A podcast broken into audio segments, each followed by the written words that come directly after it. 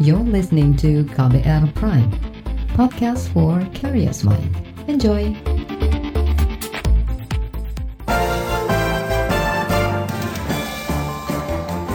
Selamat sore saudara, kembali kami menjumpai Anda melalui program Buletin Sore KBR Rabu 18 Maret 2020 bersama saya Ardi Rosyadi. Dan saya Fitri Anggredi saudara telah kami siapkan sejumlah informasi terkini di antaranya virus corona pemerintah fokus cegah penularan antar manusia. Jokowi minta industri penerima insentif penurunan gas diverifikasi. Cegah corona pesantren Tebu Irang semprot disinfektan. Inilah Buletin Sore KBR.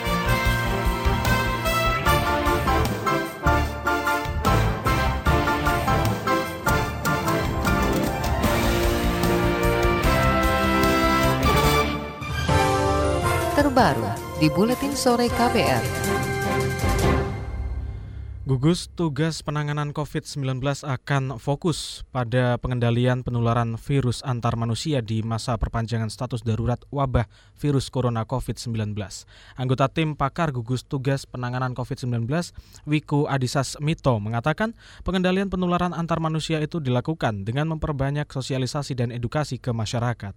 Jadi selama tiga bulan yang kita lakukan terutama tidak hanya satu-satunya adalah kita edukasi masyarakat.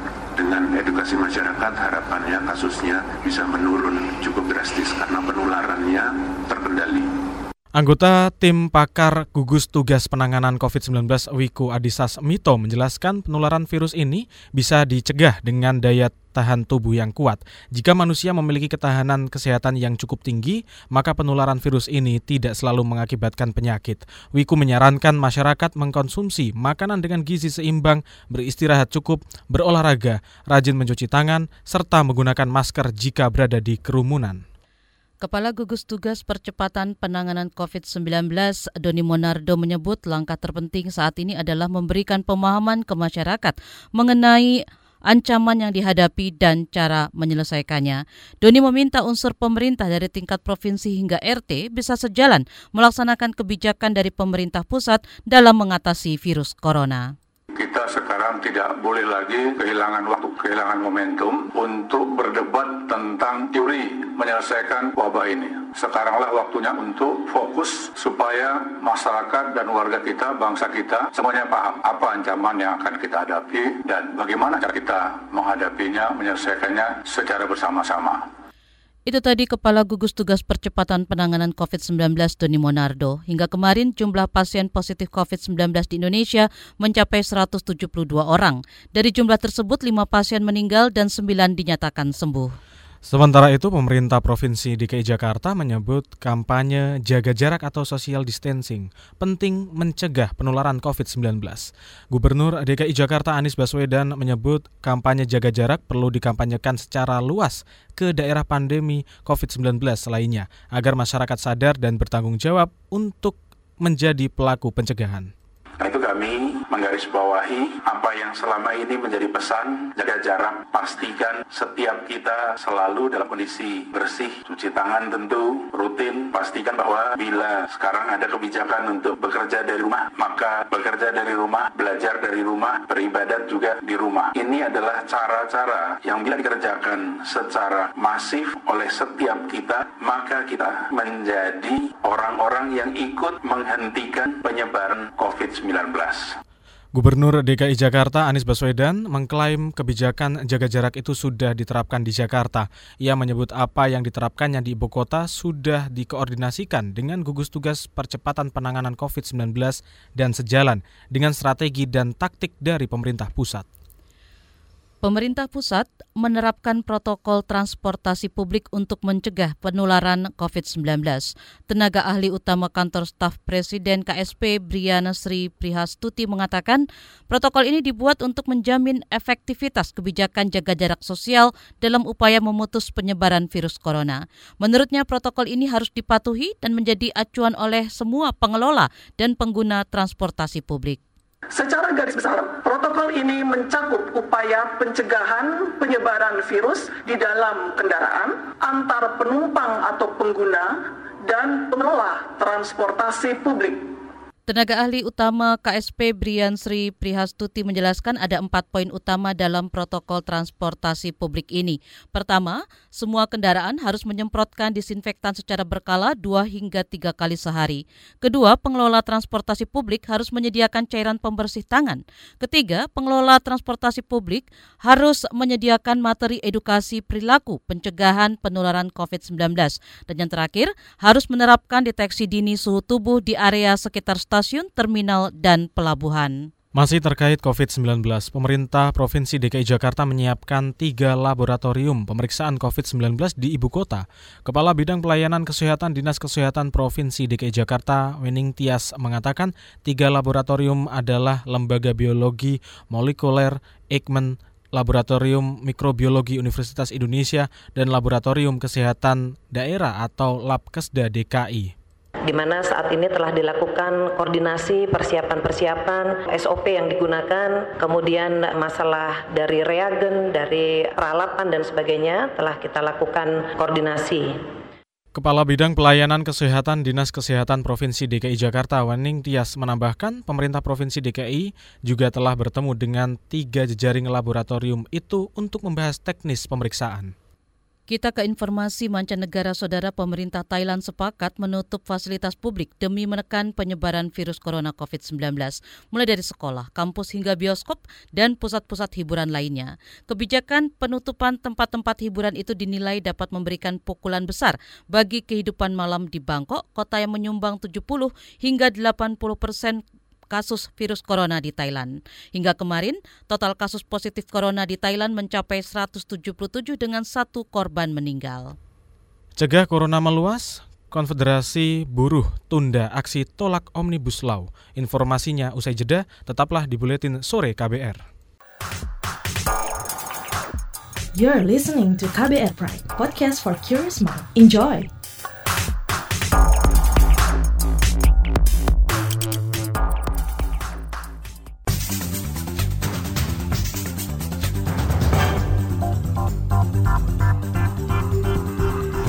Ya saudara Anda masih mendengarkan Buletin Sore KBR. Siaran KBR mengudara melalui lebih dari 500 radio jaringan di Nusantara.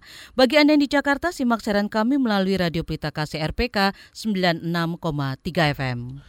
Presiden Joko Widodo meminta industri penerima insentif penurunan gas benar-benar diseleksi dan diverifikasi. Saat rapat terbatas terkait penyesuaian harga gas industri, Jokowi menyebut verifikasi bertujuan agar penyesuaian harga gas untuk industri memberikan nilai tambah perekonomian Indonesia. Industri yang diberi insentif harus mampu meningkatkan kapasitas produksinya, meningkatkan investasi barunya. Industri yang diberi insentif juga mampu meningkatkan efisiensi proses produksinya sehingga produknya menjadi lebih kompetitif. Industri yang diberi insentif juga harus bisa meningkatkan penyerapan tenaga kerja Presiden Jokowi juga meminta agar monitoring dan evaluasi berkala terhadap industri yang diberi insentif itu. Ia menegaskan industri yang tidak memiliki performa sesuai yang diinginkan pemerintah akan dicabut insentifnya. Pemerintah berencana melakukan penurunan harga gas industri per 1 April mendatang. Konfederasi Serikat Buruh Seluruh Indonesia KSBSI menunda aksi tolak rancangan Undang-Undang Omnibus Law Cipta Kerja yang rencananya akan berlangsung pada 23 Maret mendatang di depan gedung DPR RI. Sekretaris Jenderal KSBSI Dedi Herdianto mengatakan rencana aksi itu ditunda merespon imbauan Badan Kesehatan Dunia WHO dan Presiden Joko Widodo soal antisipasi pencegahan virus COVID-19 kita kan memang ada agenda untuk penolakan Omnibus Law tanggal 23. Nah itu kita tunda. Karena memang penundaan itu kita juga uh, merespon isu dari WHO, imbauan WHO, Presiden RI khususnya pemerintah, lalu juga uh, teman-teman DPR juga melakukan penundaan terhadap pembahasan uh, paripurna terkait Omnibus Law, maka kita juga merespon itu untuk menunda sampai situasi memang signifikan aman lah Sekjen KSBSI Dedi Hardianto khawatir peserta aksi berpotensi terpapar virus corona COVID-19 karena berkumpul dalam jumlah banyak. KSBSI akan menetapkan waktu pengganti aksi sembari berkonsolidasi dengan DPR dan pemerintah. Sebelumnya, buruh lintas organisasi akan mengadakan aksi menolak rancangan Undang-Undang Omnibus Law Cipta Kerja pada 23 Maret mendatang. Aksi itu untuk mendesak DPR membatalkan pembahasan dan meminta Presiden Jokowi menarik RUU yang dianggap merugikan merugikan buruh itu. Kepolisian memastikan stok kebutuhan pangan aman dan tercukupi hingga Idul Fitri 2020. Untuk memastikan ketersediaan kebutuhan pangan itu, Kepala Badan Reserse Kriminal Umum Kabareskrim Mabes Polri Listio Sigit Prabowo mengecek stok beras di Pasar Induk Beras Cipinang dan gudang produksi beras Food Station. Yang akan kita perbaiki mungkin keluhan adanya kenaikan gula. Memang sedang proses ya, eh, perjalanan eh, dari luar negeri masuk ke dalam. Namun secara umum stok yang ada untuk sampai dengan bulan April dan bulan Mei seharusnya ada. Eh, kemarin kita melaksanakan sidak ke Lampung dan kita dapati ada beberapa perusahaan yang memiliki stok besar sekali, kurang lebih antara 75.000 sampai 100.000 ton kalau kita jumlah. Dan itu tidak terdata di Kabar Eskrim Polri Listio Sigit Prabowo menambahkan kepolisian juga turut memantau harga dan stok gula, termasuk berkoordinasi dengan pemerintah daerah dan perusahaan gula di Lampung agar mengirim stok gula untuk memenuhi kebutuhan pasar. Sementara Direktur Utama PT Food Station Cipinang Jaya Arif Prasetyo Adi menyebut stok beras di Pasar Induk Cipinang aman hingga lebaran. Saat ini stok beras mencapai 300-an ribu ton di gudang Bulog Jakarta dan Banten. Ia meminta masyarakat tidak panik dengan membeli bahan pokok berlebih. Stasiun Pasar Senin tetap dipadati penumpang kereta jarak jauh di tengah mewabahnya virus corona COVID-19. Salah seorang penumpang kereta api Endang mengaku tetap pulang ke Surabaya. Dia tidak takut dengan penyebaran COVID-19 sebab telah melakukan tes kesehatan, menjaga kebersihan, dan membatasi kontak selama di stasiun Pasar Senen.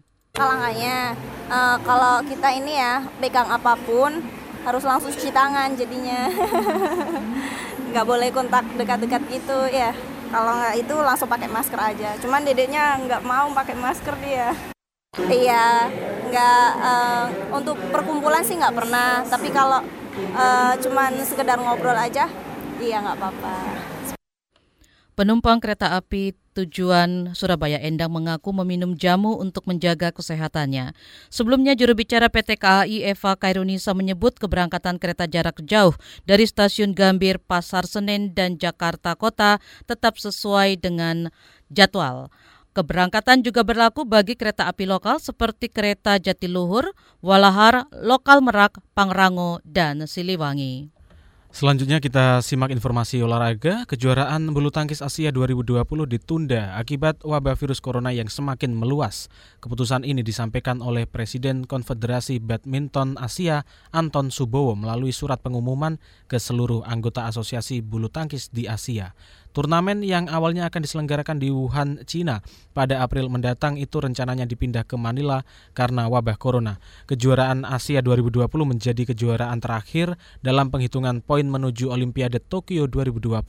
Sebelumnya, Badminton World Federation mengumumkan ada 14 turnamen yang resmi dibatalkan termasuk di antaranya beberapa BWF World Tour yang masuk penghitungan poin menuju Olimpiade. Saudara, laporan KAS KBR tentang sebagian warga tolak opsi lockdown terkait COVID-19 akan kami hadirkan seusai jeda tetaplah di Buletin Sore KBR. You're listening to KBR Pride, podcast for curious mind. Enjoy!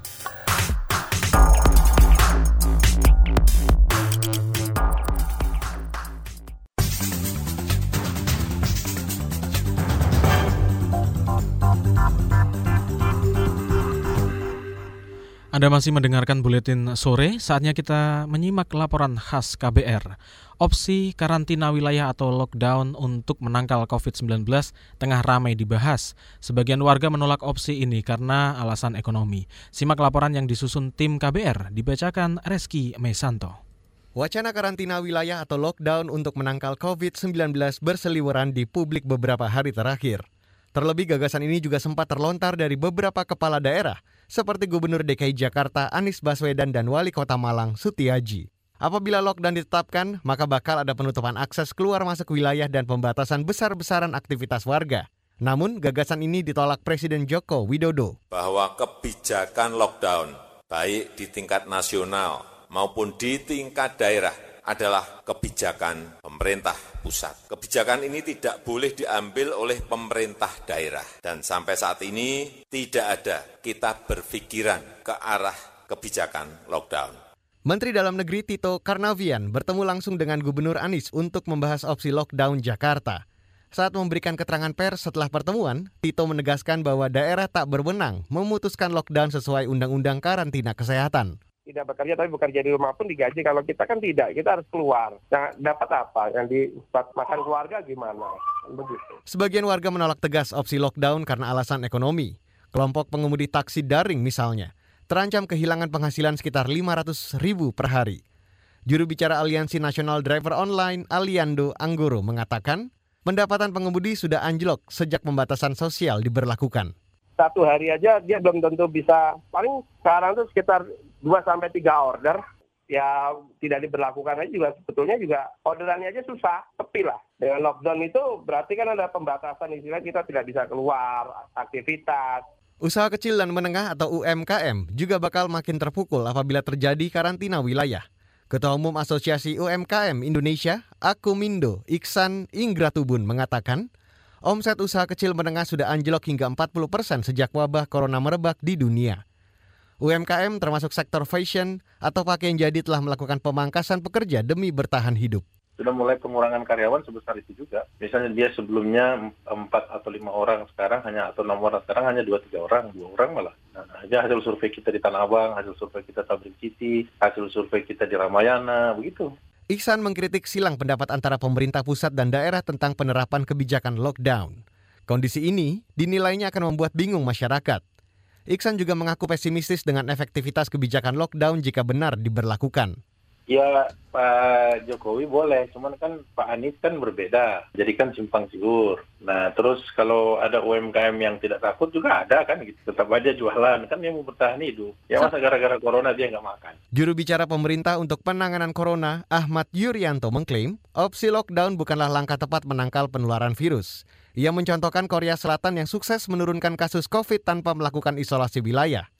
Menurut Yuri, pembatasan sosial dengan meliburkan sekolah, bekerja dari rumah dan menjauhi keramaian cukup untuk menekan penyebaran corona. Karena ternyata Korea sendiri begitu setelah memutuskan lockdown, kasusnya menjadi tidak terkendali, sekarang dibuka lagi dan turun. Ingat, kita tidak akan menutup satu daerah dan membiarkan daerah itu mengalami penularan sampai habis. Tetapi kita yang harus dilakukan adalah segera cari sumber penyebaran dan kemudian isolasi. Ketua Umum Ikatan Dokter Indonesia atau IDI, Daeng Muhammad Fakih, meminta pemerintah daerah memastikan imbauan pembatasan sosial dipatuhi masyarakat.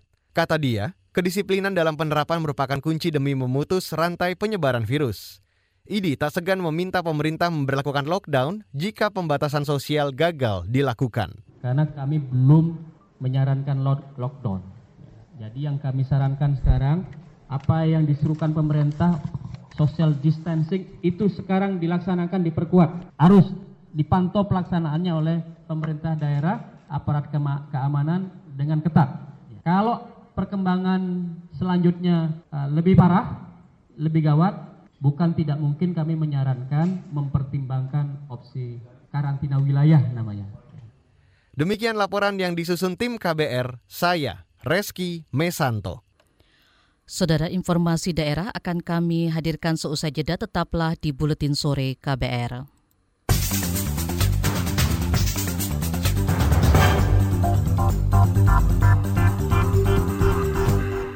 Mengisi sensus penduduk online itu gampang loh. Hanya dengan IKTP, kartu keluarga, akte pernikahan kalau ada, Anda sudah bisa melakukan sensus penduduk secara mandiri di mana saja dan kapan saja. Caranya, buka situs laman resmi sensus.bps.go.id melalui komputer atau handphone Anda, masukkan NIK dan KK serta kode CAPTCA lalu klik cek keberadaan. Setelah itu, masukkan kata sandi atau password lalu jawab 22 pertanyaan dasar identitas Anda. SP online dimulai tanggal 15 Februari sampai 31 Maret 2020. Nah, untuk Anda yang belum sempat mengikuti SP online, jangan khawatir. Tunggu kedatangan petugas sensus ke rumah Anda tanggal 1 sampai 31 Juli 2020. Ayo, sukseskan sensus penduduk 2020. Pastikan Anda dan keluarga Anda tercatat dalam perjalanan sejarah mencatat Indonesia. Untuk info lengkap hubungi call center sensus penduduk di 0213452550. Kerahasiaan informasi Anda dijamin undang-undang. Informasi ini dipersembahkan oleh Kementerian Komunikasi dan Informatika Republik Indonesia. Sudah punya pacar, hati berdebar. Tapi belum berani kenalan sama bapaknya yang kekar. Sudah punya banyak ijazah, S1, S2, S3, tapi belum mau kerja ah. Kerja di perusahaan gede sudah punya NPWP, tapi Belum lapor SPT, lapor pajak, e-filing aja. Nah gitu dong ngegas. E-filing Lebih awal, lebih nyaman. Sudah punya, tapi belum. Sekarang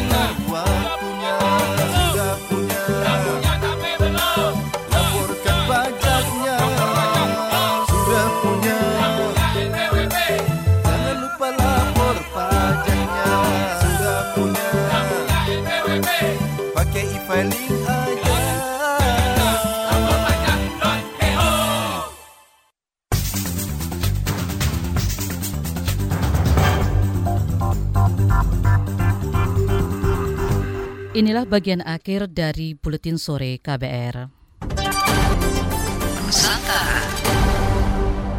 Pemerintah Provinsi Papua menetapkan status siaga darurat virus corona COVID-19. Sekretaris Daerah Papua Heri Dosinain mengatakan status siaga darurat COVID-19 berlaku selama 14 hari ke depan. Ya, ini kan barusan hari sekarang. Ya, kita hari ini kan baru sampai 14 hari dulu. eh, sampai eh, 14 hari. Kita menyelesaikan, nanti kita lihat perkembangan-perkembangan lebih lanjut. Eh, telaan terhadap situasi kondisi sampai hari ini status kita masih siaga darurat. Sekretaris Daerah Papua Heri Dosi Naen me- belum memastikan apakah COVID-19 telah menyebar di Papua meski ada empat warga Papua diduga terpapar karena mengalami gejala mirip COVID-19. Saat ini uji sampel darah keempat pasien yang diduga terinfeksi itu tengah dikirim ke Batlit Kes di Jakarta. Keempat warga Papua yang diduga terpapar COVID-19 itu kini berada di ruang isolasi RSUD Jayapura, Merauke, dan Biak Numfor. Kita menuju ke wilayah Jawa Timur. Pondok pesantren Tebu Ireng, Jombang, Jawa Timur menyemprotkan disinfektan buatan sendiri ke tiap sudut pesantren dan lokasi kerap dikunjungi tamu dan santri. Direktur Lembaga Sosial Pesantren Tebu Ireng Afif Abdul Rohim mengatakan upaya ini untuk meminimalisir penyebaran virus dan bakteri yang dimungkinkan bisa menjadi penyebab virus corona. Ini yang kita semprot sementara ini masih sarana umum yang sering dikunjungi oleh peziarah, kemudian yang dikunjungi santri. Nah ini kan tentunya tempat-tempat ini masih meninggalkan bakteri. Nah ini perlu kita bersihkan untuk menghindari virus yang ada. Kemudian ini bersih. Direktur Lembaga Sosial Pesantren Tebu Ireng Afif Abdul Rohim menambahkan petugas pesantren juga menyisir sudut ruangan mulai dari kamar mandi, teras, lorong ruangan, tangga pesantren hingga masjid. Petugas yang memakai kostum pelindung diri lengkap dengan maskernya. Selain itu, Tebu Ireng juga menutup kunjungan ziarah ke makam Gus Dur. Istana Maimun, objek wisata yang paling dikenal di kota Medan, Sumatera Utara akan ditutup sementara untuk mencegah penyebaran virus corona COVID-19. Juru bicara Yayasan Sultan Makmun Al-Rashid Tengku Muhammad Diki mengatakan Istana Maimun ditutup selama 14 hari. Jadi untuk mengambil langkah antisipasi dan pencegahan di mana Istana Maimun juga merupakan salah satu uh, tempat wisata yang ra, uh, yang paling ramai dikunjungi wisatawan baik asing ataupun lokal. Jadi untuk itu kita memutuskan untuk Juru bicara Yayasan Sultan Mamun Al-Rashid Tengku Muhammad Diki menambahkan penutupan sementara Istana Maimun itu menyikapi siaran dari Kementerian Pariwisata dan Ekonomi Kreatif dan surat edaran dari Gubernur Sumatera Utara. Selama penutupan sementara Istana Maimun, pengelola akan membersihkan dan menyemprot disinfektan di setiap ruangan yang ada di Istana Melayu Delhi itu. Diketahui Istana Maimun merupakan bangunan bersejarah di kota Medan. Objek wisata itu kerap dikunjungi wisatawan lokal hingga asing mulai dari Malaysia, Singapura, dan Thailand. Informasi dari Medan menutup perjumpaan kita di Buletin Sore hari ini. Pantau juga informasi terbaru melalui kabar baru, melalui website kbr.id, Twitter kami @beritaKBR, serta podcast melalui kbrprime.id. Akhirnya saya Ardi Rosyadi. Dan saya Fitri Anggreni, kami undur diri. Salam.